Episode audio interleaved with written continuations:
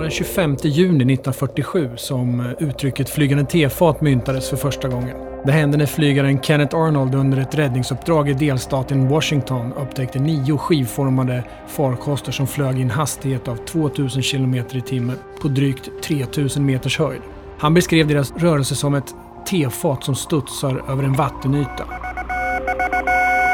Headline edition, July 8, 1947. The Army Air Forces has announced that a flying disc has been found and is now in the possession of the Army. Army officers say the missile, found sometime last week, has been inspected at Roswell, New Mexico, and sent to Wright Field, Ohio, for further inspection. Late this afternoon, a bulletin from New Mexico suggested that the widely publicized mystery of the flying saucers may soon be solved. Army Air Force officers reported that one of the strange discs had been found and inspected sometime last week. Det var här som den moderna ufologin föddes. Välkomna! Här är alltså berättelsen om Roswell. He wanted to tell me about a crash of some sort of craft that had occurred on his ranch. He would wad it up in his hand. When it hit the table, it spread out just like water with no wrinkles. And it looked like there was a hieroglyphic type writing written along the inside surface of the uh, I-beam. They had no earlobes. They had two ear canals, two very small orifices for the nose, a concave face. Oh yes, it was a cover-up from the beginning. It was a cover-up from the beginning. Staden Roswell i New Mexico är ett populärt resmål på grund av historien om Roswell. Där ett UFO kraschat norr om Roswell 1947. Nära området kring kraschplatsen låg Roswells arméflygplats, vilket också var den första kärnvapenbestyckade flygbasen i världen vid den här tidpunkten. 16 mil väster om Roswell utanför Almagordo hade också den första atombomben sprängts, bara två år före Roswell-händelsen. Under sommaren 1947 rapporterades det in många UFO-rapporter över hela USA. Eller Flying Disc som man kallar det. Skillnaden från andra UFO-händelser är att de försvinner lika snabbt som de uppstår. Till skillnad från Roswell, där man troligen fick tag på riktigt material. Vilket man nu kan ha haft i sin ägo i hela 68 år. När man talar om Roswell-incidenten så talar man om en cover-up eller en mörkläggning som det heter på svenska. Det var det inte från början, utan det utvecklades till det allt eftersom. Till och med Bill Clinton under sina två perioder som president beordrade sin stab att undersöka det material som fanns om Roswell. Clinton is here with us, so if I was president, and I won't be, let's be honest, the first thing I would do after putting my hand on, on that Bible and taking that oath to serve the country is I would I wouldn't even probably finish the oath. I would run to the White House. I demand to see all the classified files on the UFOs. Because I want to know. I'd want to know what has been going on. Did you do that? Sort of. Sort of. if you saw that there were aliens there, would you tell us? Yeah. You would. Oh, I would. Well, I think, look, what do we know? We know now we live in an ever expanding universe. We know that there are billions of stars and planets literally out there, and the universe is getting bigger. We know from our fancy telescopes that just in the last two years, more than 20 planets have been identified outside our solar system that seem to be far enough away from their suns and dense enough that they might be able to support some form of life. So it makes it increasingly less likely that we're alone. Oh, you're trying to give me a hint that there are aliens. No, I'm trying to tell you I don't know. Oh. But if we were visited someday, I wouldn't be surprised. I just hope that uh, it's not like Independence Day. Yeah, right. Movie, that it's a you know a, a conflict. Well, now we have friendly Maybe the only way to unite this incredibly divided world of ours. They're out there. We better think of how all the differences among people on Earth would seem small if we felt threatened by a space invader. Inte ens han i sin position kunde få fram något om Roswell. Clinton var mycket intresserad av denna incident. Och det måste ha retat gallfeber på honom. Ja, det är alltså Roswell-kraschen vi kommer att prata om ikväll och eh, mycket mysterium. Det är föremål och artefakter som göms av amerikanska regeringen. Det är presidenter som inte får tillgång till information. Det finns eh, transkript med aliens och ja, det är en riktig godbit. Radiokanaler som blir censurerade. Ja, det är mycket som händer. Eh, runt just den här storyn liksom. Det... Kör, vad...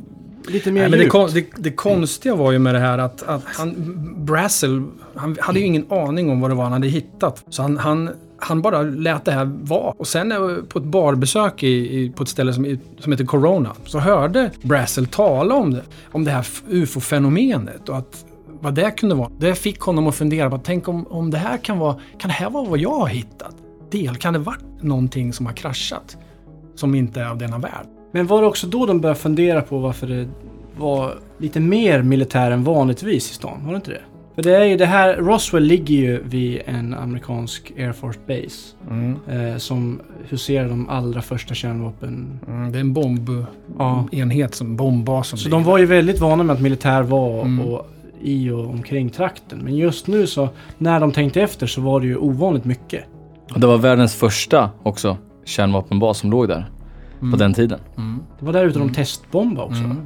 Ehm, han, han funderar ju på det här i alla fall och, och visste inte vad det var. Så han underrättar ju polischefen och han i sin tur underrättade ju en major som heter Jesse Marcel. Och eh, de här killarna de åkte ut till den här kraschplatsen då. Och även han Marcel, när han kom ut då till platsen så kunde ju han också konstatera att det, det här är ju det här är någonting otroligt udda. Och han trodde sig tycka att det var någonting som hade exploderat ovan mark för ha kraschat. I och med att det var så mycket metalldelar utspritt då. Major Jesse Marcel, in charge of the operation, now tells a far different story. They took pictures, of course. They had a whole flock of microphones there. They wanted me to, to they wanted some comments from me, but I wasn't at liberty to do that. So all I could do is keep my mouth shut. And General Ramey is the one who discussed, or uh, told the, the, the newspapers, I mean the newsmen, what it was and to forget about it. It was nothing more than a weather observation balloon. Of course, which we, we both knew differently. Major Marcel had to keep silent because of his strategic position at that time. He was in charge of all security and intelligence on atomic tests in the United States and the Pacific. we found a piece of metal uh, about about a foot and a half to two feet wide and about about two or three feet long. Felt like you had nothing in your hands. It wasn't any thicker than the foil out of a pack of cigarettes. But the the thing about that uh, got me is that you couldn't even bend it. You couldn't bend it. Even with a sledgehammer would bounce off of it. So I knew that I had never seen anything like that before. And as of, as of now, I don't know what it was. De fyllde ju, han- Marcel tog med massor med delar i sin bil liksom, och de vägde ju ingenting, så, säger han också. Va? Så tog han med de här hem och visade upp för sin familj. Och många år efteråt så, så minns den här sonen, Jesse Jr, under en hypnos 1990. Där de tog tillbaks honom i, i sitt inre liksom. Och där han också berättar då där och mindes när pappan kom hem med alla de här konstiga eh, metallbalk. Det var en metallbalk med hieroglyfer och en tunn folie som de skrynklade ihop liksom. Och sen bara slängde de ut den på bordet och så bara blev den superslät. Slät som vatten, var det inte? Alltså Ja, det var den- inte en repa på Men det sjuka Nej. var ju att det fanns ju inte ens ett väck efter det. Nej, Det var som om det var någon minnesfunktion i det. As it happens, our house was on the way to the airbase. Uh, even though it was uh, late in the evening, early in the morning, my dad wanted to show my mother and myself uh, remnants of, uh, of something that crashed out there. So I walked into the kitchen and I saw all this junk on the floor. I thought, what in the world is he doing? Getting me up at uh, this ungodly hour. So anyway, he says, look at this. So I started looking at the foil. I thought, wow, what is this? This is kind of a strange material here. And it could not be uh, permanently dented. One of those uh, guys worked with him took a sledgehammer and tried to bend it. Uh, no permanent deformity with it at all. So this is very strange material. Men man kunde ju konstatera en krasch eller ett nedslag på cirka 1200 meter långt och 100 meter brett. Så att någonting har ju verkligen kraschat. Ja men det, det är någonting som har kraschat i hög fart. För, för nu, nu ska inte jag hoppa av händelserna i förväg här men det finns ju vissa teorier på vad det skulle kunna vara. Som, som regeringen då kom med som förklaring. Den officiella variationen. Ja, exakt. Ehm, och det är ju inga, inga höghastighetsföremål de diskuterar där och det blir ju inte 1,2 kilometer lång kraschsajt av ett föremål grejerna. som bara flyter omkring. Liksom. Nu är vi väldigt tidigt i storyn men det är väldigt viktigt att komma ihåg att kraschsajten är så pass stor. Mm. Tittar du på ett modernt flygplan idag så är kraschsajten inte, så, eh, inte ens i närheten av Ganska den. begränsad så. Ja. Ehm, Och sen så givetvis kan det vara extremfall där det verkligen sprider ut sig när det är på, i väldigt hög höjd det, det smäller på. Men det här är väldigt långt och väldigt eh, smalt. Och sen för att ytterligare gå händelserna i förväg lite så, så kan det ju vara så att det kanske var två skepp också. Och de Om man nu säger att det är skepp, men det var ju, kan vara två grejer i luft. Det finns många berättelser om det här. Och det finns hajkare som har varit ute och, och sett saker och kommit till den här kraschplatsen då. En utav dem under när det har varit massa militärer och de har sett saker och de har berättat saker i, i intervjuer och sånt där. Så det, det, det finns mycket det finns otroligt mycket kring Roswell-kraschen som är intressant faktiskt. Man får inte glömma bort också att den dagen det hände, eller dagen efter, då gick de ut med en pressrelease i USA om den här händelsen. Och Armén. Det, ja, och då får man ju tänka på vad är det för människor. De har ju liksom sett det, många har sett det, de har rapporterat in det, de är där och liksom granskar av hela området. Och det är någonting som, som de går ut med direkt för att de, de vet att någonting som hänt, det är inte någon jävla ballong. Nej men det var ju deras första reaktion.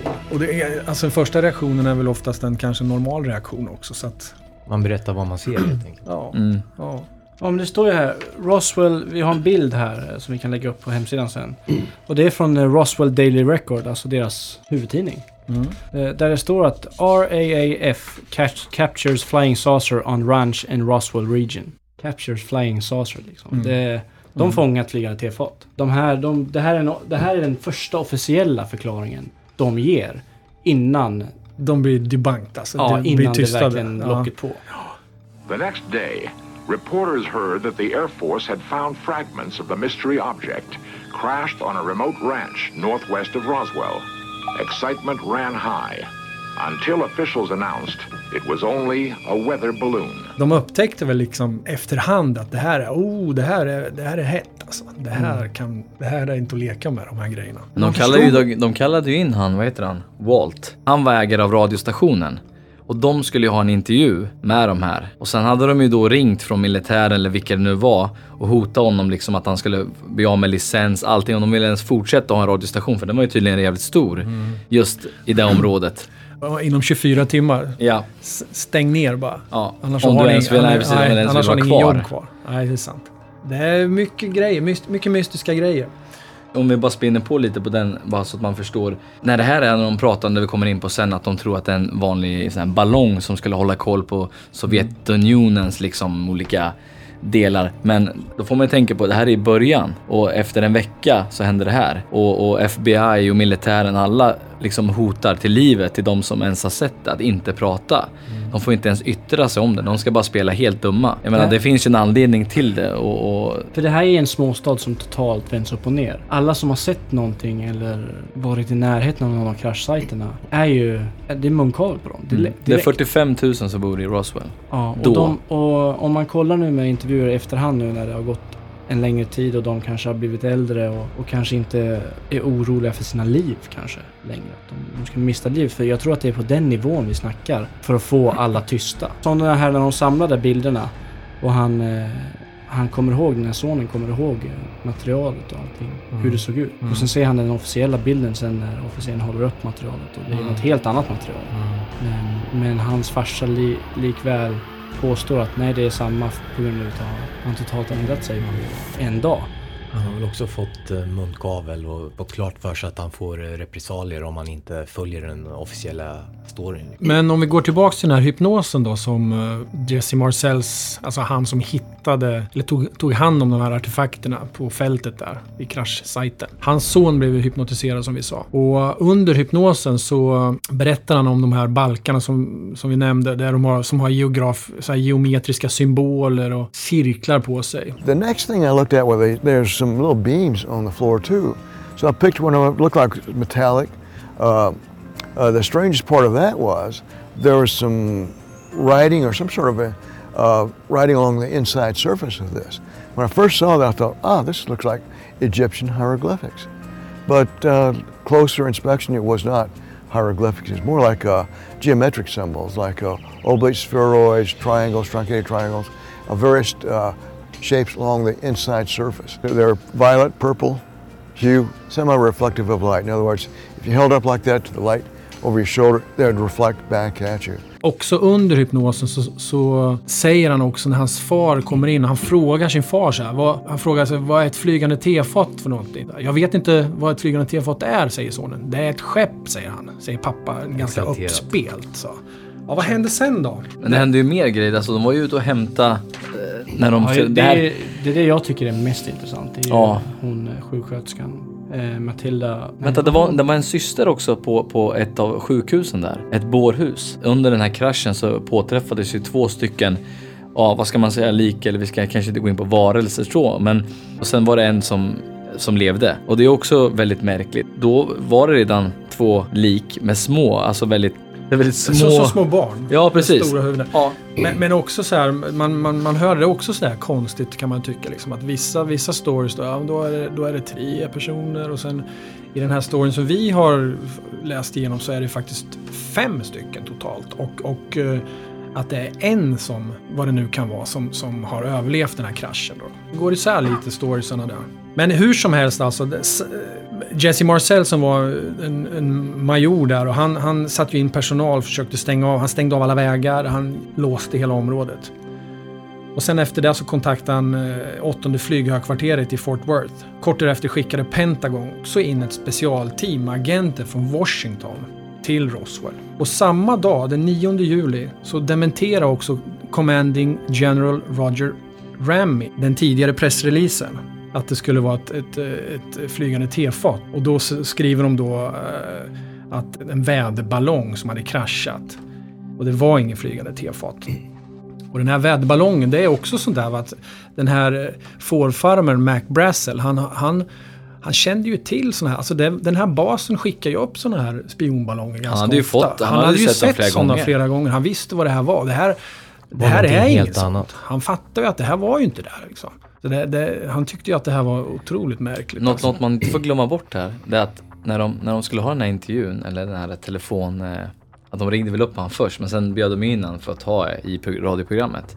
Då hade det redan kommit ut, han hade ju redan de här, eh, det här materialet som man kunde knyckla ihop och sen vart det jätteslätt, det som vi pratade om precis. Jag menar, allt det han har sett, det var ju en, en, en, en ren känsla han gick på då. Och sen ändras ju den historien hela tiden de här veckorna framöver. På grund av att han vart ju tillsagd att han inte fick prata och då helt plötsligt så fick han ändra om allting. Eh, Och det är ju väldigt intressant när man tittar på vad han har sagt till de här. Vad jag kunnat fått ut av det här så, så försvann den här killen, eh, Mac Brassel ett tag. Ingen hittade honom.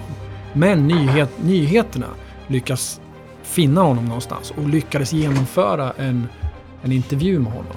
Sen sedermera så, så kommer alltså militären att få tag på, på Mac Brassel och eh, får honom att dementera allt han har sagt. Och då tar de med honom, går till nyhetskanalen och liksom eskorterar honom. Och då sägs det, och, hans gamla kompisar och sådär som såg eh, Mac Brassel när han gick förbi dem. Liksom, han, han bara stirrade rakt fram.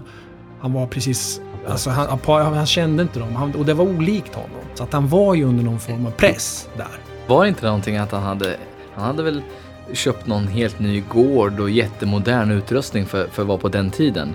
Eh, som, som var väldigt, det var ju också att han, han hade inte kontakt med någon annan heller. Han, flyttade han väl försvann från ju. Roswell. Han flyttade från Roswell, ja. Så då börjar ju tankarna florera om att han hade blivit köpt eller blivit mutad Ja. för att... För det kan man inte få ta, alltså det, det han, de pengarna man får lägga på den tiden för modern utrustning för vad han sysslade med. Mm. Och så vidare och, få, och köpa en helt ny gård och så vidare. Det gör man bara inte för en gammal väderballong liksom. Nej, och han, han ändrar ju också hela storyn till sin familj också. Den som han hade sagt till dem tidigare, den fanns liksom inte. Utan det Nej. var bara helt nya grejer. Så visst blev han säkerligen köpt. Så hittills har vi någonting som har kraschat. Vi har eh, material som inte är från denna jord enligt ögonvittnen som har egenskaper som vi aldrig har sett förut. Storyn stämmer inte på något vis. Nej, Väderballong eller inte liksom. Så har vi folk som inte får berätta vad de har sett.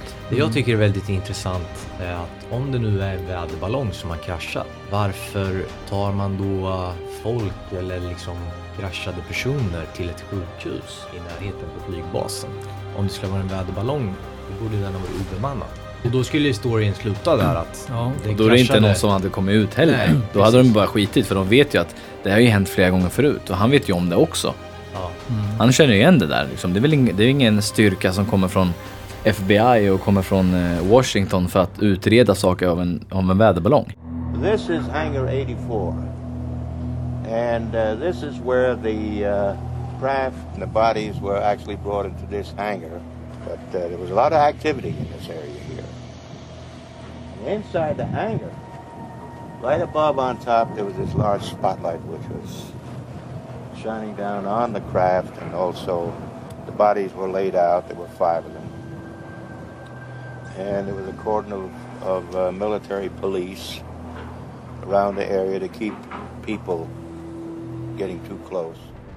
Det finns ju vissa teorier om, om att det skulle ha varit en så kallad bemannad väderballong med typ kraschdockor på för att de skulle titta hur, folk beter sig som hoppar ur flygplan eller rymdraketer eller något liknande från högt upp i atmosfären och se hur de beter sig. Men, varför ville de då ha tag i kister som man kunde försegla och förvara?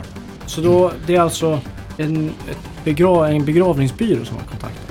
Är det det? Som de skulle ha kister och... Ja, de i metall också. Skulle de Okej. vara I, helt och barnstorlekar? slutna. Ja, barnstorlekar. Ja, vi, det, Men- vad, vi, vad vi har fått fram här så är det ju en, en, en ung omducent som heter Glenn Dennis som, som jobbade på ett begravningshem där i, i området och han mottog märkligt samtal från eh, RAFs egna bårhus. Eh, och det visade sig att flygbasens egna begravningsofficer försökte få fram alltså små metallkister i barnstorlek som man kunde, som du säger, Försegla försegla helt. Alltså. Han frågade också hur man kunde preservera kroppar på bästa sätt för att inte skada och förorena hud och så.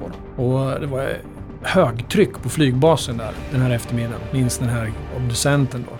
And I received a call later from the same mortuary officer stating that uh, what them bombing fluids contained consisted of what would it do to the blood contents, what would it do to tissues, stomach contents, and how would it alter it. And I informed him what I what the answers that he wanted. Glenn Dennis also had the ambulance contract to ferry any injured servicemen to the base. That same day, he took an airman to the hospital and was amazed to find himself being roughly escorted off the base by military policemen who told him he had no right to be there. As they were taking me out, there was a door that was open over to the left, and there was a nurse coming out that had a towel over a portion of her face. And uh, she looked up and she recognized me, and she said, "Glenn, get out of here! Get out of here as fast as you can. You're going to get in a lot of trouble." Then the next morning, she called me about 10 o'clock or so, and said that she would like to see me. That she we had to talk. And so I met her out at the officers club that morning. And uh, she was already there when I arrived at the officers club. Uh, she was very upset, still crying, very hysterical. Then she told me what happened about going into this room. These doctors were there, and there was some uh, two hospital gurneys there with the crash bags. One crash bag was two very small mutilated bodies. The other one, there was a very small body in a crash bag, but hadn't been mutilated as much as the others. And she told me the reason what they wouldn't let her out because uh, they wanted her to write down what they were examining. And that's what she was doing. And they all became very ill. They said that the smell, and it was a very toxic smell, and they just couldn't breathe and get their breath, and they had to get out. Men det är om man, om man går, om vi ska snart lämna Jesse Marcel här, alltså han, han, innan han gick bort har de ju haft en intervju med honom. Och han har ju sagt om det här när han var där med sin låda. Och han skulle dit till militären visa vad han hade hittat. Och då tog ju, med, då tog ju de med Marcel in i ett annat rum och skulle kolla på en karta och han skulle visa de här platserna och så att det överensstämde med vad de hade, vet fulspel liksom. Mm. Och, ehm, Det var innan, innan själva... det, en, det, en, eh, exakt, det var innan, det var lite längre tillbaka. Mm. Och det får man inte glömma att då hade de ju switchat grejerna i. Bara för att liksom spela sprattet. Och det är att det han säger sen innan han dör, när de, när de får tag i honom och har en intervju med honom. Är ju att, han, att allting var, att han var tvungen att säga att det var en cover-up. Mm. Att det var så. Och han var tvungen att säga det. Han hade, ing, han hade inget val liksom. Ehm, och så fram till sin död, när han dog 86, så var det ju att allt han fann så sa ju han, det här var inte av den här världen. Ja, men han var ju tvungen att hålla... Han var tvungen att hålla, han hade inget val nej, liksom. nej, Det nej. var, Nej, för han tog, som du säger, så, så tog han ju med sig alla grejer. För de skulle ha en... De skulle bli, det skulle komma dit reportrar som skulle intervjua dem. Så ställde han här lådan på, på kontorsskrivbordet hos general Ramy. Och så tog, honom, tog generalen in honom vid sidan om, ja. Precis som du Mm. säger. Och sen när han kom tillbaks då var hela lådan utbytt. Mm. Med helt nya grejer. Jaha. Fatta den chocken. Bara, uh, vad ska jag göra? Men då inser man ju att man hade något värdefullt med sig. Ja. Måste ju vara. Om, det är ju inte någon som har snott det, för då skulle de inte lägga dit någonting annat. Nej. Utan han, de, de är ju utbytta. Han har ju snubblat på... Men sen vet man ju inte om, om Jesse Marcel hade någon aning om de, om de här kropparna som de hade hittat. På grund av att han, han nämner inte det i sin slutgiltiga intervju när han gick bort. Eh, han nämner ju allt det här materialet och allt han har sett men eftersom det var två, två stycken platser som det har kraschat så kan det vara att han har ju bara sett den ena. Mm. Eh, sen var ju inte han med till den andra. Och därav så nämner han ingenting om de här varelserna. Men det finns väl en berättelse där man ser att den, den överlevande varelsen eller kroppen går runt bland, eh, bland kraschsajten och, och, och strosar runt där och jag inte om Mm. han hjälper sina kompisar eller vad, vad han... Det är väl om man, det beror på vad, vad, man vill och hände tro. liksom? Ja, vad- nej, men det där, alltså, det där vad är också olika grejer. En del säger att han försökte, eller vad han eller hon vad det nu kan vara, att någon försökte fly och att det blev en skottskada. Det har jag hört också. Men Fick du någon bra bild över när du var i Palm Springs? Eh, var det någon du träffade där som, som de har ju väldigt bra koll på det där. Var, ha, gav de dig någon annan bild av just innan vi går vidare med det här? Om just den, den kraschen och, och vad, Nej, vad de hittade? De, du tänkte på det här eventet där, Contact in the Desert. Ja. I, i, ja, precis. Exakt. Nej, det, det, alltså när man pratar med, med dem... Vilka var det? Om man borta. tänker till namn. Är det några kända namn som man känner till liksom? Som man, när man är... Ja, det är Richard Dolan, Stephen Greer. Det är ju Erik von Däniken. Lite Ancient Aliens Ja, killar Nick då? Pope och det är alla de där. Och de, alltså pratar man med alla de här killarna så, så det är ju, alltså det är någonting som är galet. Det finns, allting är ju debunked som man säger. Det är ju, allting är nedtystat och, och vi vet egentligen inte mycket om, om någonting egentligen. Men det börjar faktiskt som man känner. Man, när man, man går in i de här ämnena så, så känner man faktiskt att det börjar att, börjar att klarna en hel del grejer. Det är, det är för mycket konstigheter som, som händer och det borde stämma överens att det skulle kunna vara så här och det skulle kunna vara si och så. Va? Så att eh, på något sätt så tror jag att, att sanningen kommer ju att segra. Vadå, du säger eller alltså det här är inte väderballonger överallt? Alltså. Nej. Är det där det handlar om? Fan, Nej, jag det som har trott det hela tiden. Ja, swamp gas. Ja. Men, men med tanke på att sanningen ska segra så här. Om man tittar på den här händelsen så långt vi har kommit i historien just nu. Ovanifrån med med ganska icke-objektivt, eller vad säger man? Man, är, man går in där med öppet sinne för Mm. att se vad som har hänt. Är det inte ganska tydligt att det är en kraschsajt som har varit ganska kaos och där, där alla har en ungefärlig liknande story men det är små detaljer som skiljer sig åt mot vad man själv upp, upplever. De vissa säger att han sprang eller han gick runt någon överlevande och vissa säger att nej, någon vart skjuten. Och, Men Mm. i en kraschsajt där det brinner, där det händer saker eller det, det är åsk eller var mitt i natten så kan man uppfatta saker ganska olika. Men Mm. den generella bilden som alla vittnen ger är i princip samma story. Mm. Och det är att de har hittat kroppar. Mm. Varav en lever. Men det, det finns ju en, en, en, tjej som heter Naomi Self, tror jag hon heter. Hon hade blivit kontaktad av en som heter Glenn. Jag kommer inte ihåg vad han heter i efternamn. Men det var ju han Glenn Dennis, han ja, producenten. ja, men exakt, Ja. exakt. Och hon, när hon blev kontaktad av honom, eller jag tror att det var eh, när de hade i alla fall pratat med varandra, så sa ju hon att det var tre Mm. väldigt tilltyglade Ja. varelser. Hon kunde inte liksom säga vad det var. För Men, det liksom men nu, nu vet man inte, nu, nu kanske hon, hon kanske fick uppgift och obducera tre stycken. Ja, men det kan, ha varit, det kan ju ha varit nå- någon mer också. Men Absolut. hon fick uppgift att ta de Precis. tre. Så kan det ha varit. Hon fick ju rita upp sen också hur kropparna, hon ville ju inte, hon fick ju inte säga någonting. Det där, det där tycker jag är väldigt oklart just med henne för hon försvann ju direkt sen. Så att de har ju, de har ju De lite... skickade henne till England va? Ja, hon fick ju inte, hon, hon Eller ju hon liksom försvann till England. ja. Det storyn. Och ingen vet. Och jag tror att den här Glenn Dennis, han har försökt, han har gjort liksom undersökningar och försökt tagit reda på var den här kvinnan tog vägen. Och det, hon liksom... Hon gick upp i rök. Eller hörni, vad, vad, vad var den här som de, som de eh, skyller på att det var, att den här spionballongen, vad var det för någonting? Är det någon som har något bra svar? Är det den du snackar om? Ja. Det var väl ett projekt för att lyssna i atmosfären om ryssarna hade något kärnvapen, några kärnvapensprängningar för sig. Man ville helt enkelt veta om, om ryssarna hade skapat bomben. Det här var ju en otroligt spänd tid. Just med, med forskning efter kriget när nazisterna de tog hand om alla forskare och Operation Paperclip där de förde över amerikanernas, i alla fall deras Operation Paperclip. De tog alla forskare över som de kom åt. Och ryssarna gjorde ju likadant så att det var ju en spänd tid. Men de här väderballongerna som de använde då var väl förfäderna till satelliter?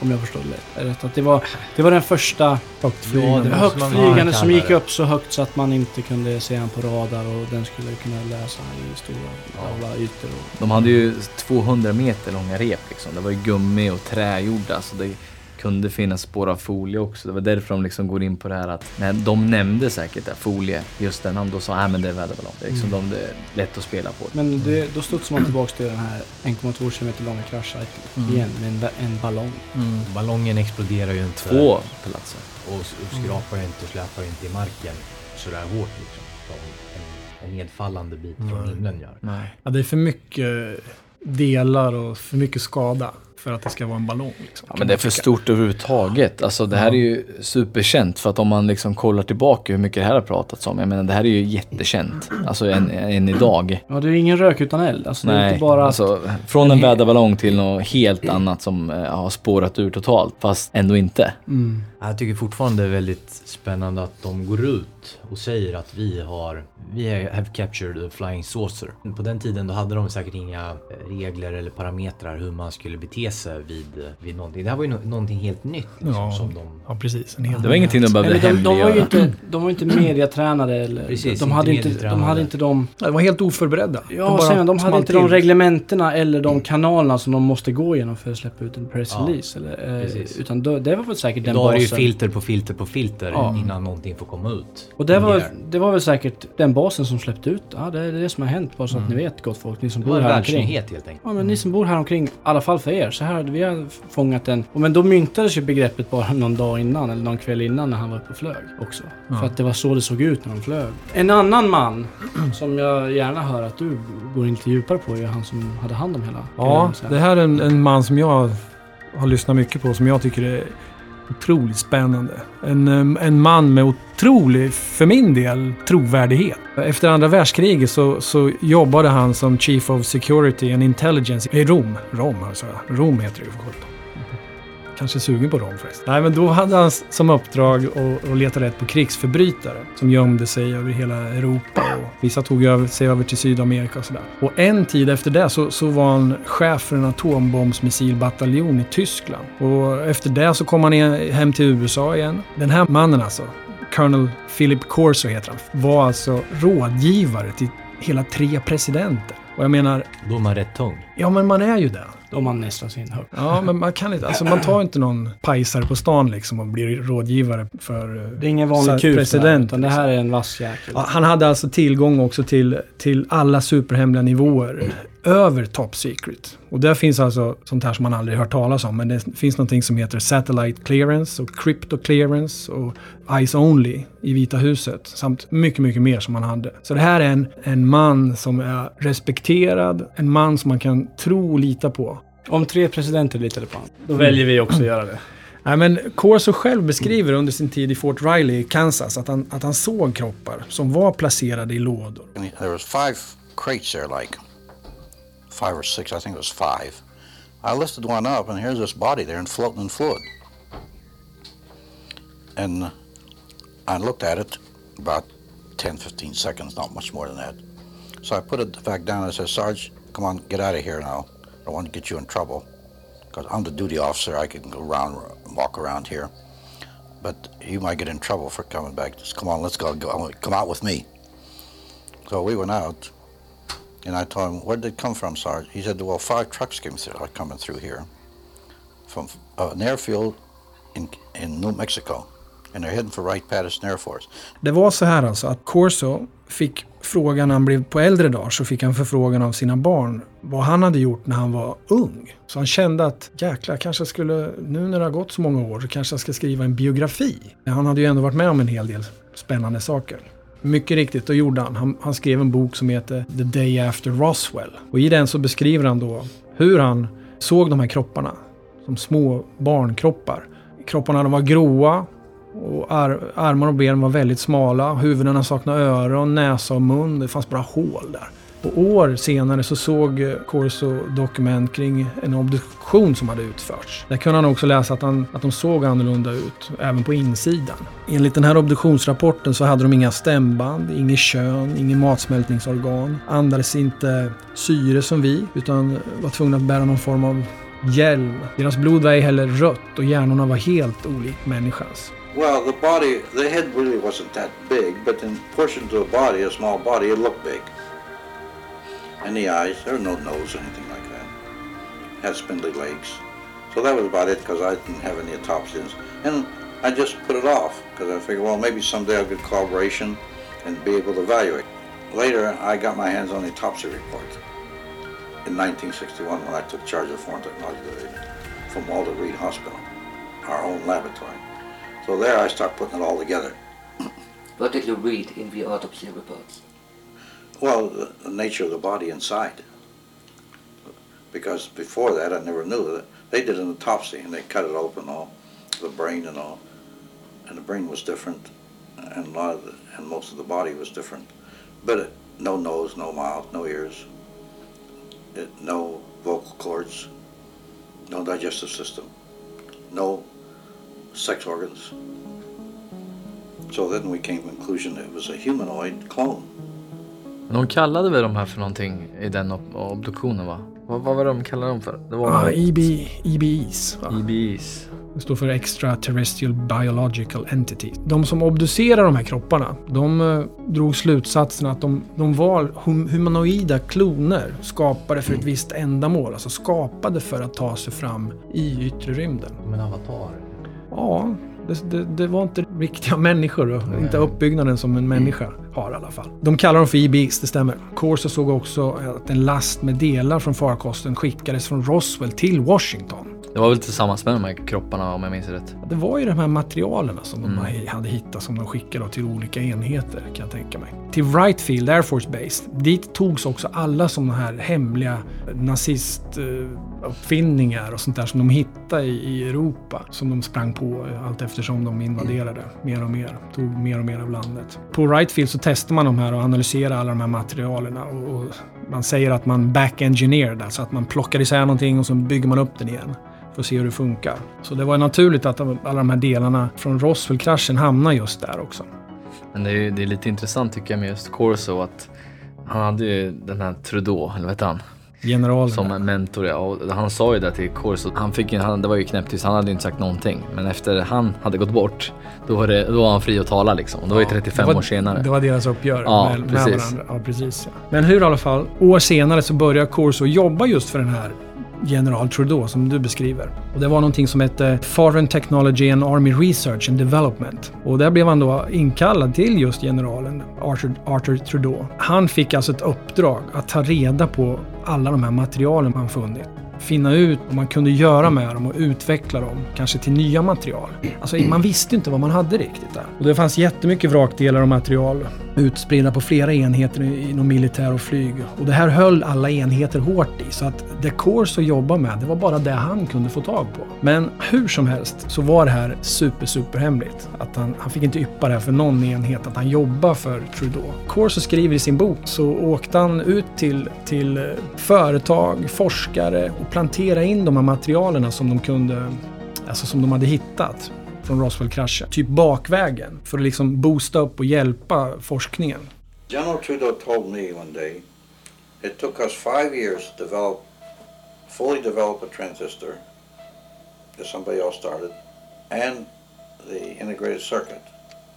If we didn't have the help, like Olbert says, that we've been helped, and, and, and Smith said, the boys upstairs, it would have, General, it would have taken us 250 years.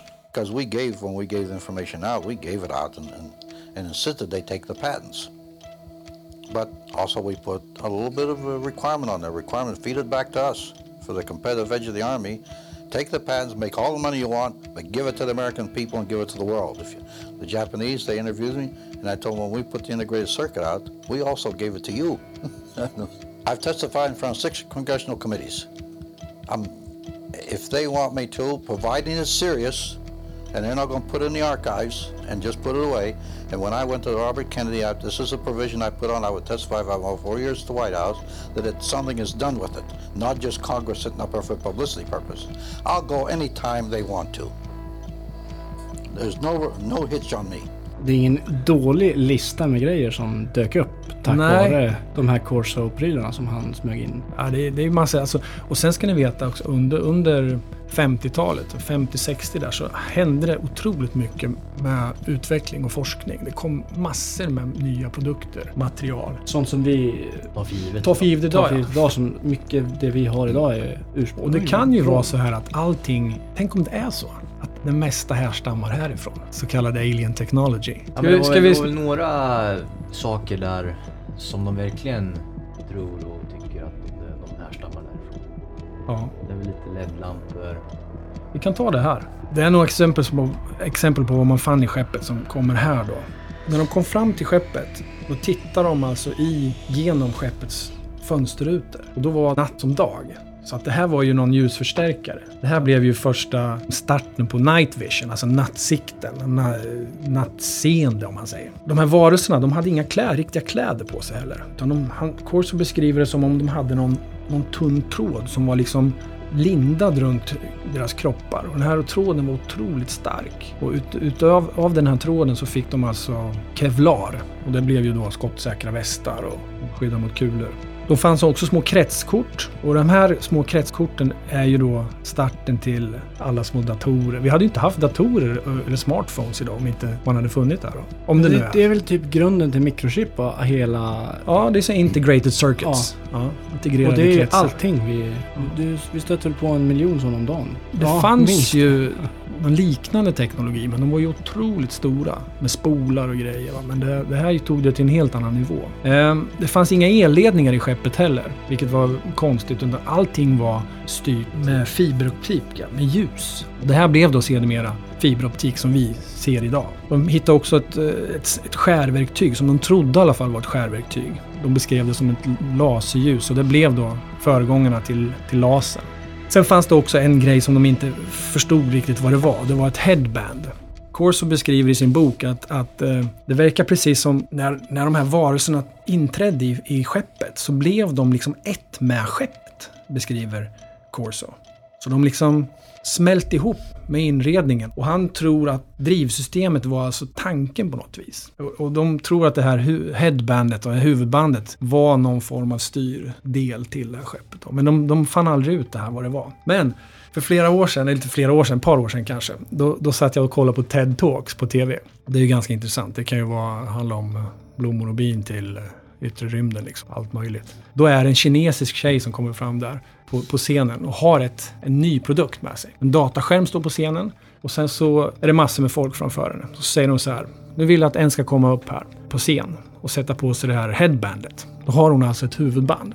Då tänkte jag, aha, det är nu de börjar fatta liksom vad det här är för någonting. Hur som helst så sätter han sig på scenen, en kille där, sätter på sig sitt headband och tittar in i en dataskärm där det snurrar en kub. Då säger den här kinesiska tjejen så här att du, jag vill att du ska tänk hårt liksom i huvudet att kuben ska åka framåt och tillbaks. Och han klarar inte det. Och så säger hon till honom ytterligare en gång, du måste koncentrera dig. Då helt plötsligt så, så rör sig den här kuben fram och tillbaks. Och då har han använt sin tanke till att göra det.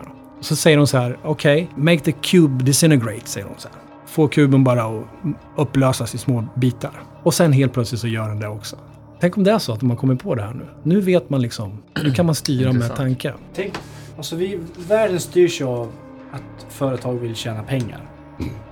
Alltså det är konsumtion och det är, det ska, allting ska läggas på band som ska komma senare. Tänk om vi har den här teknologin som kan alstra de elektromagnetiska impulserna som skickas i hjärnan, som styr allting, som styr händerna, som styr... Ja. Tänk om man redan nu kan det.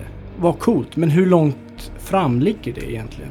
Ja, Innan de kan tjäna tillräckligt mycket pengar på all nu och Ja. teknologin vi har nu. Liksom. Corso säger ju att, att eh, hade vi inte fått hjälp med de här integrerade kretsarna så hade det tagit oss 250 år till innan vi liksom hade ens fått fram dem.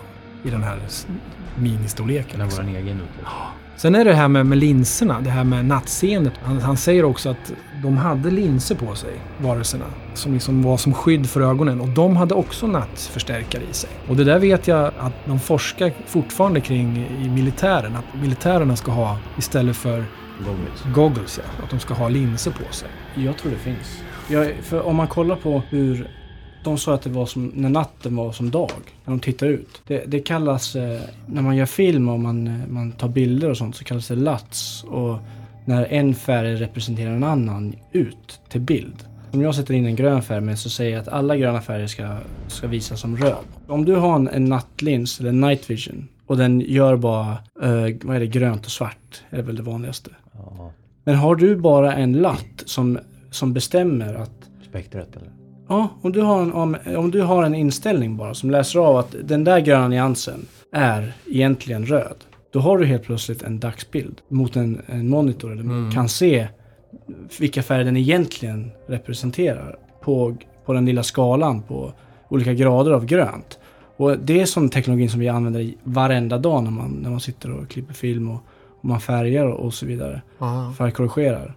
Och att det inte skulle finnas för en sån lins, det är obegripligt om det inte skulle finnas om du inte hade tänkt den tanken. Jag tror att den här teknologin, väl, han säger väl det också att vi har allt som du skulle kunna tänka dig. Eller? All Ja, men det är ju också man så idag, alltså, det är fantisera om har vi. Det är ingenting som, som man bara släpper bara för att man har det idag. Ni vet ju hur det är. Mm. Alltså folk sitter ju på informationen, de har redan grejerna men det skulle inte funka att bara släppa allting för då Just det konsumenter, det får, det säga, allt handlar om pengar idag så att det, vi vet ju inte hur långt fram de mäktigaste bolagen är just nu och vad de har för typ av resurser. Men det var ju som han Ben Rich som var ansvarig för utvecklingen av de här stältplanen. Eh, Det här är säkert lång tid, det var under 75 till 91. Och de arbetar ju också med olika de här Blackbird och Raptor och alla de här. De kallar det ju som Hand Me Down Alien Technology.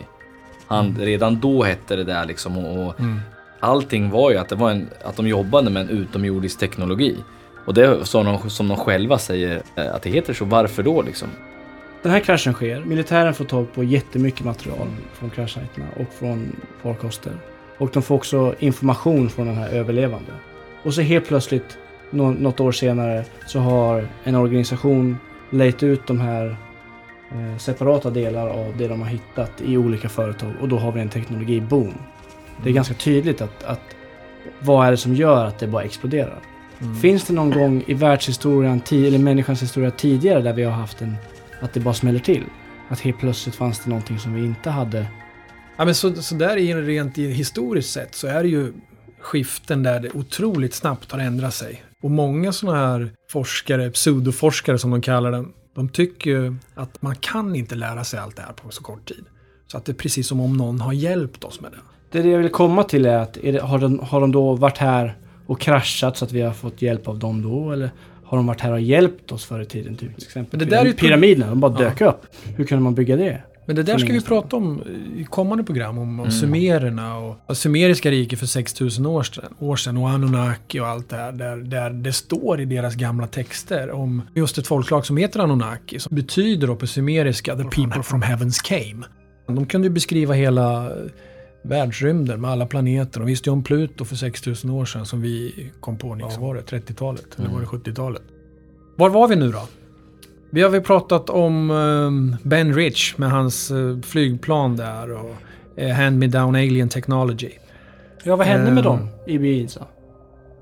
Alla dog väl utom en, men vad hände med den? Ja, men vad hände med, ja, men vad hände Om det med fanns han? en kvar. Det, Det, finns ju en otroligt intressant berättelse om vad som hände med han. För det här finns ju dokumenterat. Berätta kort om hon Matilda. Ma- Matilda var ju en, en sjuksköterska som enligt egen utsago fick eh, prata med den här besökaren helt enkelt. Krasch, mm. ö, kraschöverlevaren, varelsen Mm. ja, som de säger. Det har ju bevisats att hon jobbade på WAC, eller WAC, eh, Woman Army Air Force Medical Corps. Hennes uppdrag var att verka som flygande sjuksköterska i 509 bombgruppen 47. Så det, hon är ju en riktig person och hon har ju haft en titel.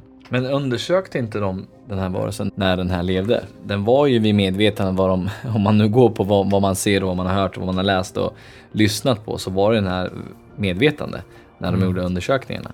Men Matilda vart väl lite utvald utav eh, varelsen att liksom agera som språkrör för hennes vägnar. Eller? Det verkar nästan som om hon vann förtroende på något Ja, sätt. precis. Ja, så, så att de, de började tala med varandra. Och sen så, det märkte väl kanske teamet där, så hon fick väl fortsätta med det antar jag. Men om vi tar det, ska vi ta den här berättelsen om just Matilda då? då? Mm. Och hon säger ju, hon säger ju precis som, precis som Corso, som han sa, han sa ju att de var ju utan asexuella, utan könsorgan. Och det säger hon också, precis som vi har sagt också. Det fanns inga interna organ och deras kroppar var inte konstruerade av biologiska celler. Varelsen hade inte heller något eh, vanligt nervsystem, utan någon form av elektriskt nervsystem. Matilda hon lyckas ju aldrig förstå hur det där fungerade. De var, kropparna var ungefär en meter långa och upplevdes nästan... Hon tyckte de var som en docka för henne. Och huvudena var oproportionerliga jämförelsevis med bröst och armar och ben. Och benen och armarna var ju väldigt tunna. Händerna hade tre fingrar på vardera hand. Yttre organ som näsa och öron och mun fanns inte. Nästan inte. Det fanns väl någon tillstymmelse där. Och ögonen var stora och enligt Matilda så såg de mycket bra. De, de hade mörka linser på ögonen. Dessa linser tror hon fungerar som någon slags förstärkare av synen. Och det här är ju intressant för det säger ju, det pratar ju Corso om också. De här linserna och förstärkarna och det där. Än en gång. Två helt olika som vittnen, ögonvittnen. Ja, som precis. Sen har ju- exakt samma story i... Ja. Sen såldes ju en film, en obduktionsfilm på en som skulle vara en alien men den är ju säkert råfalsk. Alltså den ser ju inte... Man har säkert en 16 minuter lång svartvit film och de säger att det var en militär som hade sålt den här till, till han filmmannen då. Han fick inte säga vem det var. Det, alltså det där är... Om det är någon som kikar på det här så kan jag ju säga direkt det där är säkert bluff till 99%. Jag tror att det liksom också... Det får hypa upp grejen liksom. Nej, men jag tror att det har kommit ut också att det är det fake. Liksom. Ja, det har gjort det. Ja, jag tror, jag tror att det är så faktiskt. Han, det var väl någon musikvideoproducent va? Ja, han- ja, någonting åter. Det är bättre att han återskapade något han hade sett till slut och gav med sig. Ja, det var nog konstigt. Tro inte på den gott folk, den är fake. Ja, Konstaterar vi här direkt. Eh, Återigen, Matilda. Vad Matilda, ja. Nej, men, eh, I samband med att, att hon försökte undersöka den här varelsen då, så förstod hon ganska snabbt att, att den försökte kommunicera med henne. Och inte verbalt utan genom att skicka bilder till henne och telepatiska tankar. Liksom, som om varelsen projicerar bara rätt in i hennes huvud. Under förhören så kan man läsa att varelsen kallades, jag vet inte om jag säger rätt nu, så hur säger ni det där? Arl. A- Arl. Svårt namn kanske? Ja. Vi kan väl säga A. Till Matilda så säger varelsen att eh, efter, efter jag har gått bort så är ni fria att dissekera min, min kropp hur ni vill. Jag har inte någon nytta av den. Jag har inga personliga känslor. Och Arel säger att jordens forskare ej kommer ha någon nytta av min kropp. Min kropps teknologi och uppbyggnad är enkel men ändå långt bortom alltså vår förståelse. För att ni ska eh, kunna återskapa någon del av den. Den är så avancerad helt enkelt. Kroppen säger hon den är inte biologiskt eller mekanisk. Kroppen är inte tillverkad av... Eh, eller kroppen är tillverkad av unika material som man ej kan hitta på någon jordlik planet. Eftersom min kropp inte är biologisk, säger hon, så behöver jag varken mat, syre eller värme. Ej heller sömn. Ariel säger också att det hos dem finns olika typer av kroppar. Och det har varit så under en lång tid, i flera millennium. Alltså det här är ju lite... När de säger så här, min kropp är inte tillverkad av, unik, är tillverkad av unika material som man ej kan hitta på någon jordlik planet. Tänk om den är skapad liksom bara, för, bara för att kunna färdas i rymd och... Det är en biomekanisk drönare. Där Ja. så de Ja. fjärrstyr från... Precis. Alltså, det här beskriver någon varelse som är en annan dimension än vad vi är. De kopplar upp sig alltså. Ja. Och då, då kan man ju fråga sig, hur ser de ut? De som kopplar upp sig. Vad är det Mm. för en? Om de ens finns i det, det fysiska tredimensionella realmet som vi verkar och, och lever Ja. i.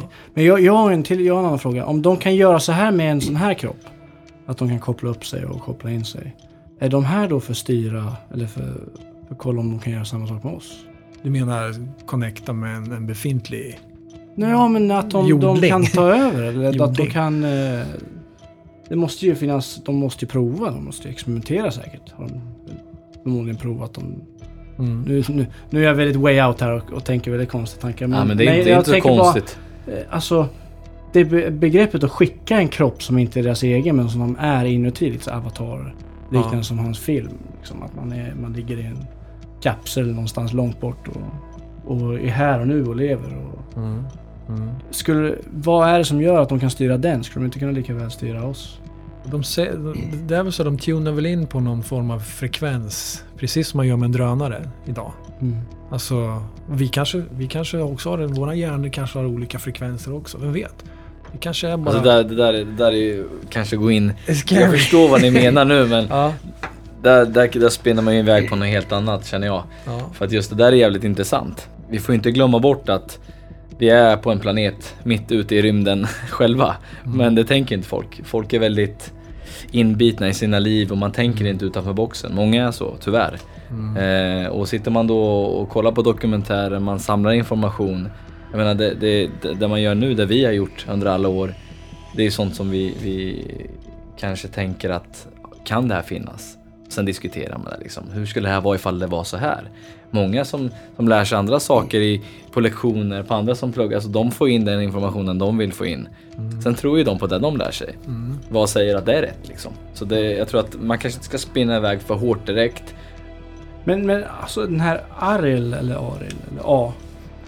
Vi kallar A. A. Beskriver ju en, en, en fysisk liksom body. Jag skulle inte vilja säga kropp heller. Utan den beskriver ju ett ting som den inte är alls emotionellt kopplad till överhuvudtaget. Och det bara är en vässel, liksom. Ett Mm. transportfordon för, Mm. för just vad som är bakgrund och vad som styr bakgrunden. Men det där tror jag det är svårt att gå in på sådana här Hon, hon säger ju liksom att det, de här olika kropparna som de kopplar upp sig i, det är ju, de har ju olika rank, klass, livslängd, maktnivå, individuella meriter liksom. Och, och AS då, den, hennes kropp säger hon då är designad för att vara officer, pilot och ingenjör. Och de- övriga medpassagerarna i farkosten som ej överlevde, de var inte av samma rank säger de. Så hon verkar ju varit någon, ja, hon kanske styrde på något sätt. Hon kanske var också utformad som tålde mer också och överlevde tack vare det. Ja, men som myrorna. Det finns ju alla möjliga olika, olika Ja. kategorier av myror. Arbetsmyra, Mm. stridsmyra. Tänk, om man kan ta ner allting till små nivåer så stämmer överens med verkligheten i våran... Rymdens Ja. Chuck Norris liksom. Ja. Men har vi sett bilderna liksom. på, på en, eh, en neutron i en hjärncell? Hur den är uppbyggd och sen en bild på universum. Det är exakt samma uppbyggnad, exakt samma. Det är som att det är samma bild. Det är helt Häftigt. sjukt. Det är helt sjukt. Med tanke på att man kan ta ner saker till olika nivåer. Men det är också där eh, history repeating itself. Alltså att myrorna har olika rang. De är arbetsmyror som du säger och det är officerare och allting. Och det har ju även de. Och det har ju även vi på, på ett sätt. Fast vi, Ja. vi är på väg någon helt annanstans där. Mm. där det här samhället styrs av, av, av fel, fel agender Alla konstant. är fast i ekorrhjulet. Ja men det här är ju, vi, vi är inte styrda hi- hierarkiskt längre utav att vi ska värna om samhället och vi ska göra något gott. Utan vi styrs ju, vi styrs ju av in, vissa individers jakt på guld i princip om man säger Mm. så. Men om vi, om, vi, om, vi säger, om vi hoppar tillbaka till, till Roswell då. Just det här top secret eh, transkriptet som, som de hade. Som, Ja, du menar intervjun där? Ja, just det. Som- Eh, ja, precis. Så var det då, då, då Men- var det men- på men- något men- sätt frågor som de kunde ställa. Som de ändå fick svar på utifrån som de uppfattade. Vi kan, vi kan väl ta några, vi kan Några ta exempel några kanske? exempel från de här transkripterna som gjordes då 1947. Ja, alltså vi ska bara säga också, det här transkriptet är ju hennes intervju. Ja. Av alla sittningar hon hade med A. Mm. Eh, och vad, vad de, för hon gav ju A en, eh, en barnbok. För de, de pratade ju inte engelska, kunde inte engelska. Ja men det var väl ef- efter ett tag när hon hade pratat med Arl om, om, liksom, om hur- hur de kunde få henne att förstå engelska språket och våran civilisation bättre. Och då var det liksom att då började de med barnböckerna för att på ett väldigt pedagogiskt sätt utveckla hennes förmåga att Som vi skulle engelska. göra med ett barn. Ja, och Exakt. hon Som inte fattade, kan väl att, hon fattade väl också att hon var otroligt intelligent också. Ja, så det tog, väl, det tog väl bara någon dag så hade hon ju läst ut 50 böcker. Eller vad. Ja. Hade bara fortsatt att eskalera. Jag tror hon skickade in bara böcker till henne, hon bara det, läste. Det roliga är att det står ju i, i hennes intervju och hennes bok att, att Arl, eller A, kunde 350 olika språk men inte engelska. Men hon Mm. kunde sanskrit, gamla jordspråk för, alltså som var förr i tiden. Ja. Det kunde hon men hon kunde inte engelska. Så ja, i alla fall. Det här är transkriptet från intervjuerna med, med Arl när hon har lärt sig engelska. Tack vare att hon Får bara säga en grej. Ja. As, jag säger A då. Hennes kropp och de andra som omkom. Hon säger också det att de omkomna har nu återgått till sina uppgifter på hemmabasen. Och det känns ju liksom som om de... Vad är hemmabasen? Är, den, är det hemmaplaneten eller är det en bas ute någonstans i vårat solsystem? Eller vad är det? Då kan vi Mm, också, det kan vi också tänka, vi också tänka så här att det här är på 40-talet.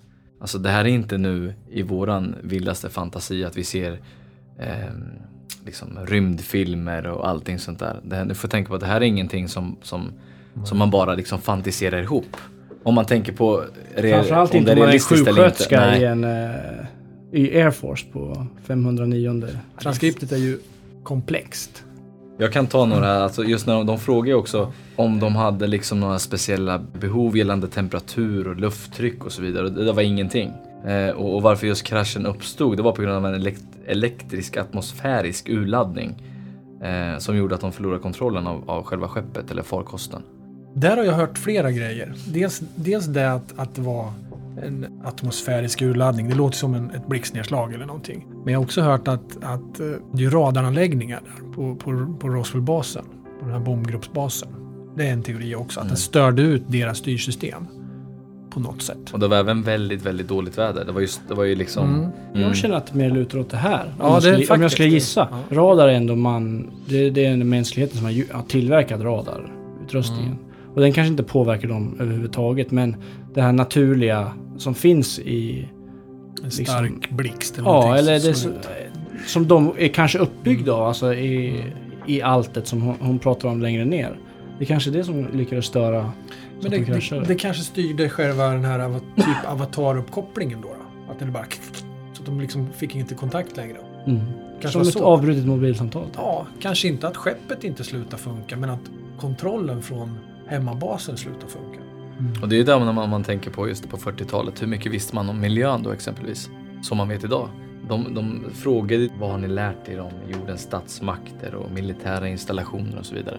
Mm. En sån pass stor fråga. Och då säger de enkla och små, de förstör planeten. Liksom. Nu är ju de här svaren också lite kryptiska, för i det här skedet så är ju hon inte fullärd på engelska. Och just om man tänker på en, nu, om vi utgår från att det är en varelse där och att just människan i sig, vad, vad hade vi för kunskap om just miljön på 40-talet?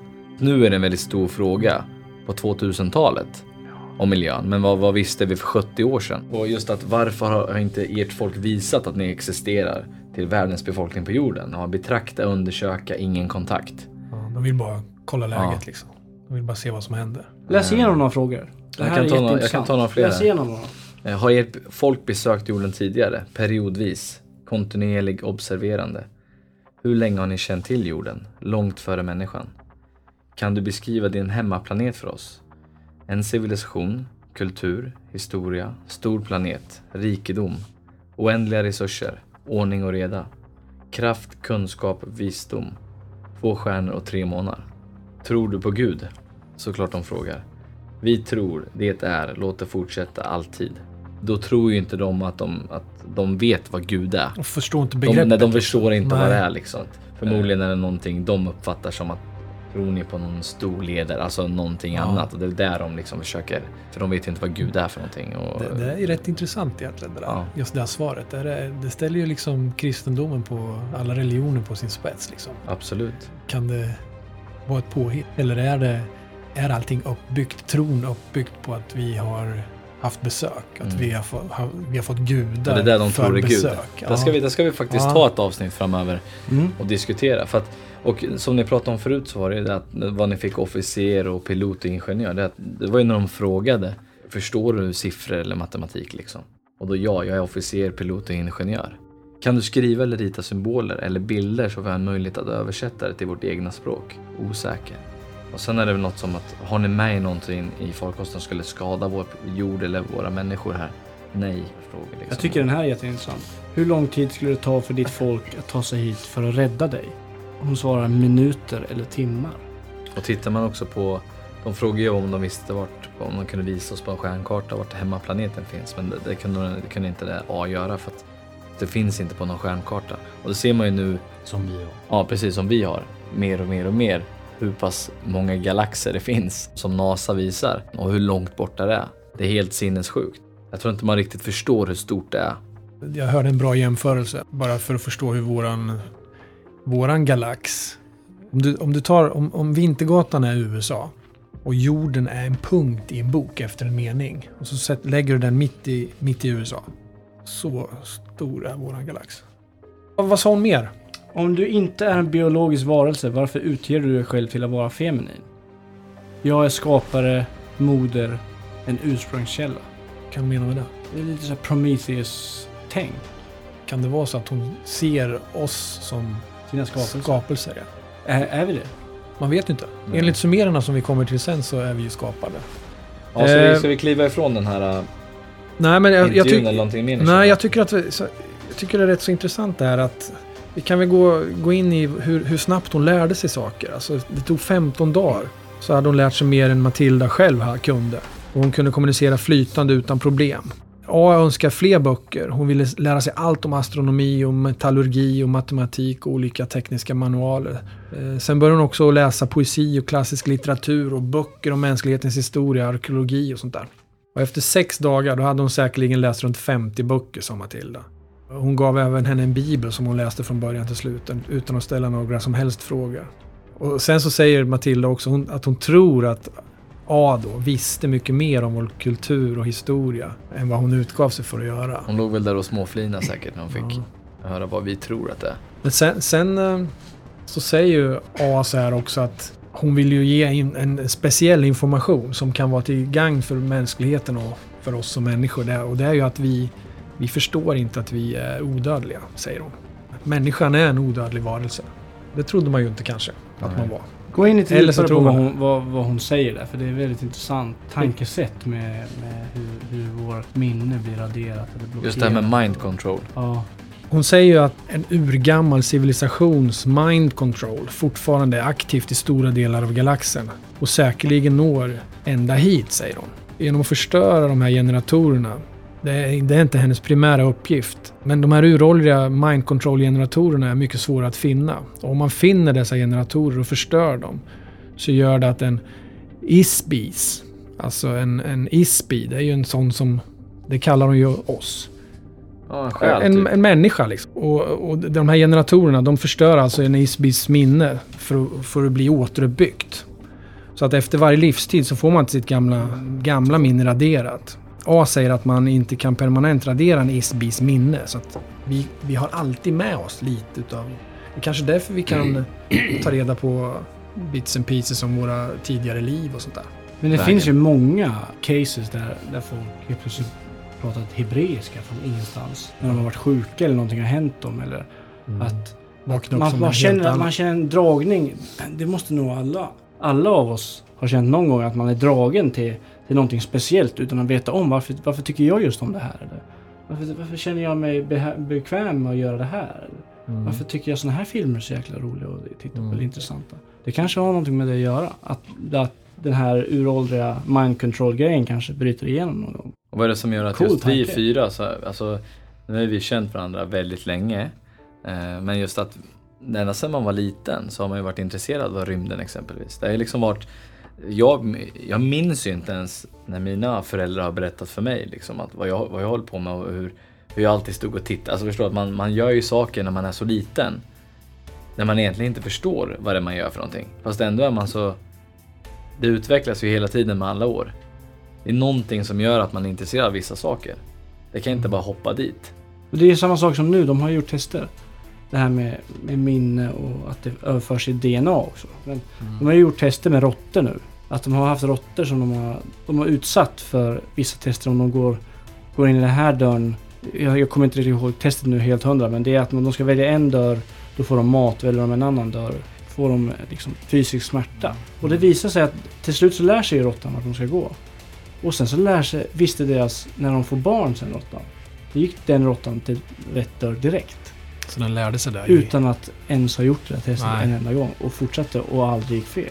Ja, spännande. Konstigt, alltså det är Ja. sjukt, sjukt konstigt. Men va, hur, kan det, hur kan det komma sig om det inte det i DNA överförs minnen? Ja, men vissa minnen överförs, eller liksom, man pratar ju om till exempel så här, re- reptilhjärnan i den mänskliga kroppen och det är till exempel att man kanske är, eh, är rädd för en orm när man går nära den, eller liksom att kroppen skriker fara. För att vi vet att eh, genom tiderna så har vi, blir man ormbiten och liksom, ja, det, det är farligt, det kan göra ont, man kan dö av dem. Och, Mm. Så inpräntade minnen liksom. Ja, men det, då, då är det minne DNA. Då har vi kommit fram till det också. Vad har vi mer att säga om eh, Matilda och A då? då? Hon, du, du sa ju att hon var tydligen hade varit en pilot, officer och ingenjör med många uppgifter att utföra. Vad, vad gjorde de här? Säger hon. Vad gjorde de? Vad gjorde de här med sin farkost? Dels var det för att undersöka atombomberna och det här. Men sen så säger hon också att hon var, har varit här många gånger tidigare. Varav en gång så hade de ett uppdrag att undersöka försvinnandet av en bas i bergen i Himalaya. Det låter ju ganska intressant. En hel bataljon av officerare och piloter och kommunikatörer och administrativ personal försvann och basen försvann likaså. Liksom. Flera miljoner år sedan blev jag tränad att jobba med en, som en undersökande och informationsutvärderare, säger hon. Och hon skickades eh, till jorden som en del av ett sökteam. Då. En av mina uppgifter var att förhöra människor som bodde i området under den här tiden. Många människor rapporterade att de hade sett Vimanas, eller rymdskepp i det här området. Efter att vi följt vad vi har fått in av uppgiftslämnarna upptäckte mitt team väl gömda farkoster från gamla imperier i den här delen av solsystemet, vilket vi hade varit ovetande om. Alltså, det här är också ganska intressant. Vimanas, som man, som man kan läsa om i gamla indiska skrifter som Mohabharata och det här. Där skriver de ju om Vimanas, som är rymdskepp, helt enkelt. Ja, jag tycker det är helt otroligt att hon säger att hon pratar eh, sanskrit som är ett språk på jorden Ja. för flera tusen år sedan. Och hon Ja. pratar om Vimanas som finns med i den indiska berättelsen Mahabharata som du säger. Ja. Där det är eh, liksom guys in the city som flyger omkring och de skjuter på varandra med raketer och laserstrålar. Och... Som är dokumenterat i de här skrifterna, ja. Det är helt fantastiskt. Tänk om det är så att det ligger någon form av sanning i de här skrifterna. Ja, vad ska vi säga mera om eh, den här varelsen då? då? Kropparna var ju tillverkade av ett syntetiskt material med ett mycket känsligt elektriskt nervsystem som varje alltså person på hemmaplaneten ställer in sig på eller tunar in. Eh, som på en, ja, in på en elektrisk våglängd som är unik för den våglängd eller frekvens som kroppen avger då. Varje varelse är kapabel till att avge en unik frekvens som identifierar dem, likt en signal från en, från en radio, en frekvens som en, från en radio. Denna signal kan jämföras med ett fingeravtryck. Kropparna fungerar alltså som en radiomottagare. Och det finns inte två frekvenser som är likt den andra. Det här låter ju som en apparat, eller hur? Och det, men det är ganska intressant. Varje kropp på skeppet är inställt och ansluten på ett liknande sätt till skeppets inbyggda nervsystem. Skeppets uppbyggnad liknar på många sätt dockkropparnas. Skeppet är byggt och inställt på samma frekvens som varje besättningsman har. Det är därför skeppet kan manövreras med hjälp av tankar och energi som varje varelse avger. Det är väldigt enkelt direktkontrollsystem. Det är alltså inga komplicerade styr eller navigationssystem i skeppet utan det opereras direkt genom en besättningsmans, ja, en surrogat då, från en, en varelse på en annan plats. När blixten slog ner i skeppet kopplades besättningsmännens de kopplades ur systemet vilket gjorde att de förlorade kontrollen för en stund. Vilket resulterade i en krasch. Det var ju det vi sa förut. Mm. Att de blev disconnected på något sätt. Ja, det bröts. Samtalet bröts. Mm. Det är fantastiskt fascinerande. Skulle man nu i sin vildaste fantasi försöka... Hur, hur skulle vi optimalt kunna resa människan? Det är självklart vi skulle skicka en drönare vi kunde totalstyra. Då offrar, vi inte, då offrar vi inte oss själva som, en, som ett ting, utan vi offrar en pryl. Som kan färdas i, i tid och rum i vilken miljö som helst. Och snabbt. Behöver varken syre, mat, sömn. De har, inga, de har inga element som stör dem. Nej. De är asexuella. De har ingen sexualdrift som behövs mättas. De har, behöver ingen mat, de behöver ingen syre, de behöver ingen sömn. Liksom, vad finns det kvar att göra? Jobba. De, de är där för att göra saker och uträtta saker. Fascinerande. Vad kommer vi till sen? Weinbrenner. Han var ju chef på det här Wrightfield Patterson Air Force Base under 60 och 70-talet.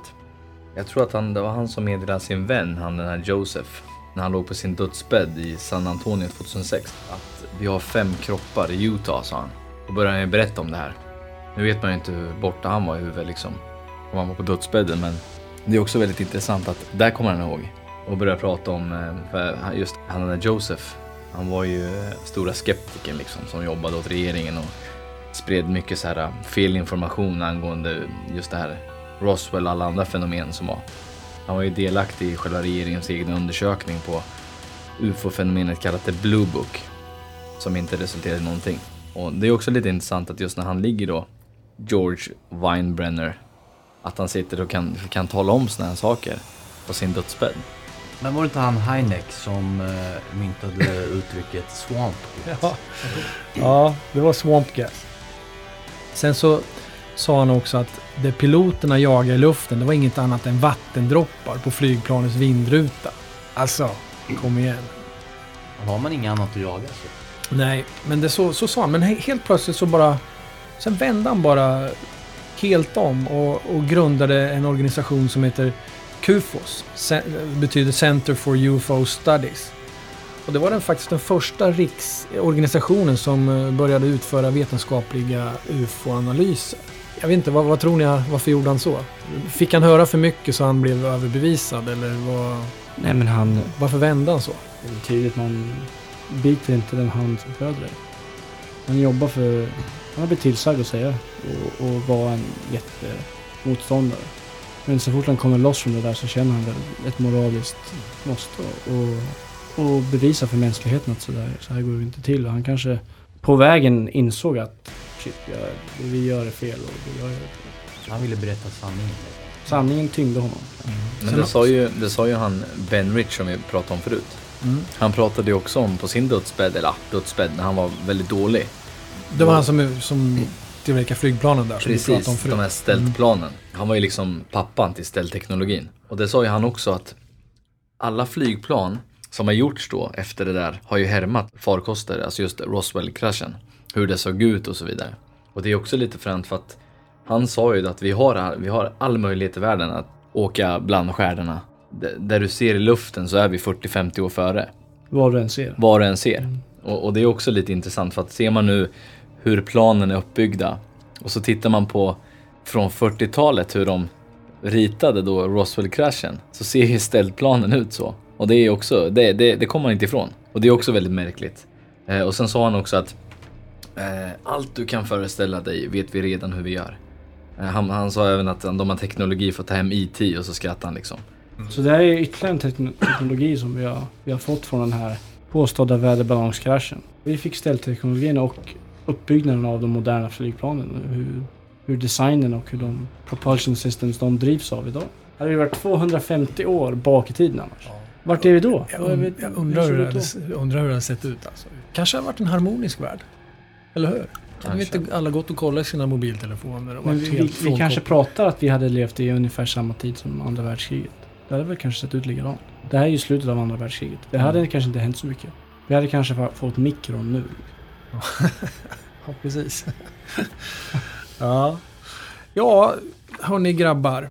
Och lyssnare framförallt. Jag hoppas att ni har eh, haft en trevlig stund här och fått lite mer fundera. Det är ju där vi funderar själva på med den här podden. Men vi vill ju också att, att våra lyssnare ska få komma igång med sina tankar och få egna kreativa idéer om tillvaron. Vi vill vara eran kompis här i den här världen. Mm. Och är det lite så också när man tänker på rymden och allt som vi pratar om. Nu är vi, vi är intresserade av det här. Vi tittar på dokumentärer, vi kollar på tidskrifter. Jag menar informationen runt det. Jag tror man måste kanske, tycker man sånt här är intressant som man förmodligen gör ifall man lyssnar på den här podden. Så mm. har man ju lite koll på hur stort det är. Mm. Och, och, man kanske lite öppensinnad så att man inte är helt stängd. Och är man stängd så tycker jag att man ska lyssna mer på det för det är jäkligt intressant. Och vi säger ju inte att det är så här det är eller Nej, nej, man behöver inte vara knäpp för att liksom tycka att det här är jäkligt coolt. Nej, och som det och är nu så, så titta nu i, i alltså filmer som dyker upp. Och det pratade vi om häromdagen. Liksom att eh, det, det är ju mycket om rymden och liv ute i rymden. Det här vad heter den där filmen som kom nu? The Martian. The Martian liksom. Den var ju en jättestor film som kom. Jag såg den häromdagen faktiskt. Ja, den är Ikea-lampor i hela filmen. Var det? Ja. Jättekonstigt. Uppe i Mars. I alla fall, sammanfattningsvis då.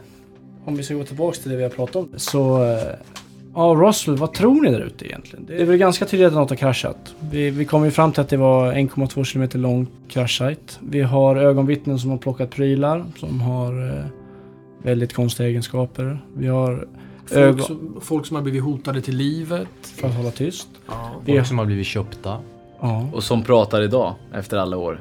Vi har teknologi sjukt. som har, som har exploderat efteråt. Vi har fått fram det vi bygger mycket på vad vi, gjort, vad vi gör och hur vi lever idag har grundats i dagarna och veckorna och månaderna efter den här kraschen. Eh, Där det bara skedde en eh, teknologisk explosion. Vi har eh, vittnesmål från folk som faktiskt har suttit med, med en av de här varelserna som jättemycket vittnen vittnar om och berättar om. Och sen så har vi på andra sidan en regering som bara säger att det är en väderballong som har Vi har kraschat. personer som inte vet om varandra, som har samma berättelser. Som knyts ihop. Det, är- det är som allting annat här i, i livet. Man får välja vad man vill tro på.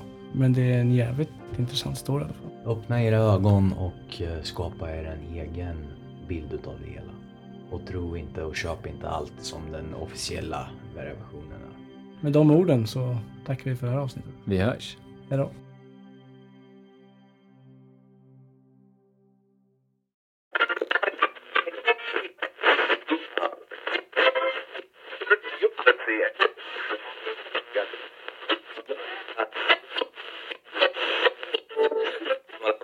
Frank Joyce had been the first to announce the original news of the flying saucer at local radio station KGFL just a few hours earlier.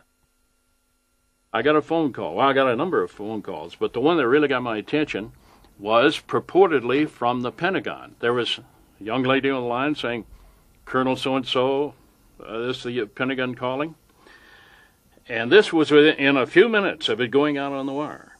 And the voice on the line says, uh, Who is this? I tell him. He said, You put that story on, on the air about the flying saucers? And I mean, his voice was, you know, the type that really conveys menace and power. And I said, Yes, I did. And he says, You're going to get in a lot of trouble uh, for this, or made some, some threatening comment. And I said, Look, I'm a civilian. You can't talk to me this way. You can't treat me this way. You can't tell me what to do in stories I put on the air. and he says, I'll show you what I can do. And bang, hung up the phone. And the voice at the other end of the line showed exactly the power that he had to the owner of the radio station. I got a call from Washington from one of the offices of one of the senators saying, look, if you put out any stories on this, this thing, you're going to lose your license. And it's not going to be over a period of time. It's going to be the same day that we tell you that you're off the air. Frankie Rowe, the fireman's daughter who had handled some material, had always regarded the Air Force in Roswell as friends of the town. But an unexpected visit from the military to her home would now cast the Air Force in a sinister new light. He had this club or stick or whatever it was, and he was beating it on his hand. And he would hit it.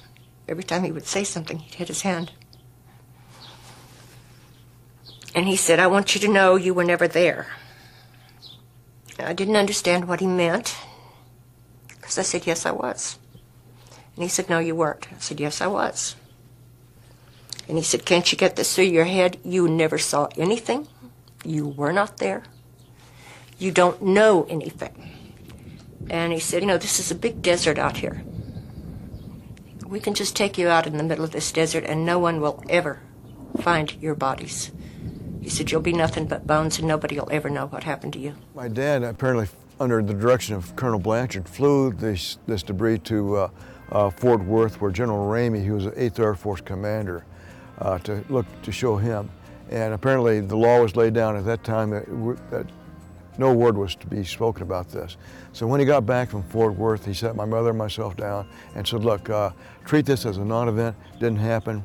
Don't ever talk about this again." Since 1947, I saw this strange material, not of earthly manufacture, you know, the way I recall it, and my dad recalled it too.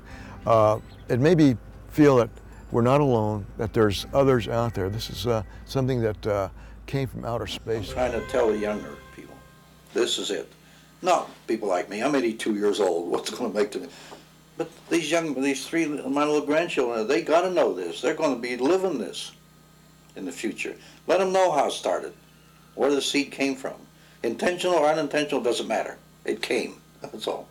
It was not anything from this earth that I'm quite sure of.